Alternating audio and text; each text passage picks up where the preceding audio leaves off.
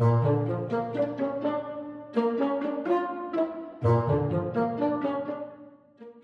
إن الفيديو اتمسح فحابين طبعا تحكوا لنا قصته. أصيل وقتها كان بيخاطرف باسم البنت اللي بيحبها. طب والبنت دي فين دلوقتي؟ بقت خطيبته بعد الفيديو ده خلاص.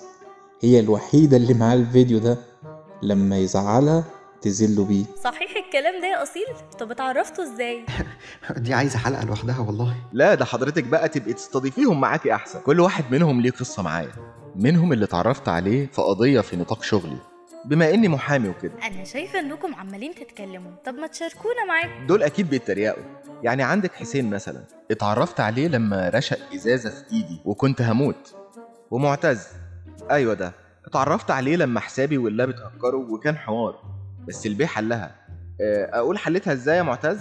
واضح إنكم ما بتتعرفوش إلا في المصايب بس. لا أنا الحمد لله الوحيد اللي متعرفش عليه في مصايب. تعتبر أنت اللي بعيد عن ال social media خالص. هو أنا ما بحبش الظهور قوي يعني. بس عندك تقريبا مليون وي. ده بقى بسبب الفيديو. كورني أنا اللي شهرت. أنت معاك شهادة إيه يا أصيل؟ بكالوريوس اداره اعمال كنت في تجارة. أهو ورغم كده أعرف يعني إنك ماسك التسويق. آه شوية. وبرضه في الحسابات وحاجات كده يعني.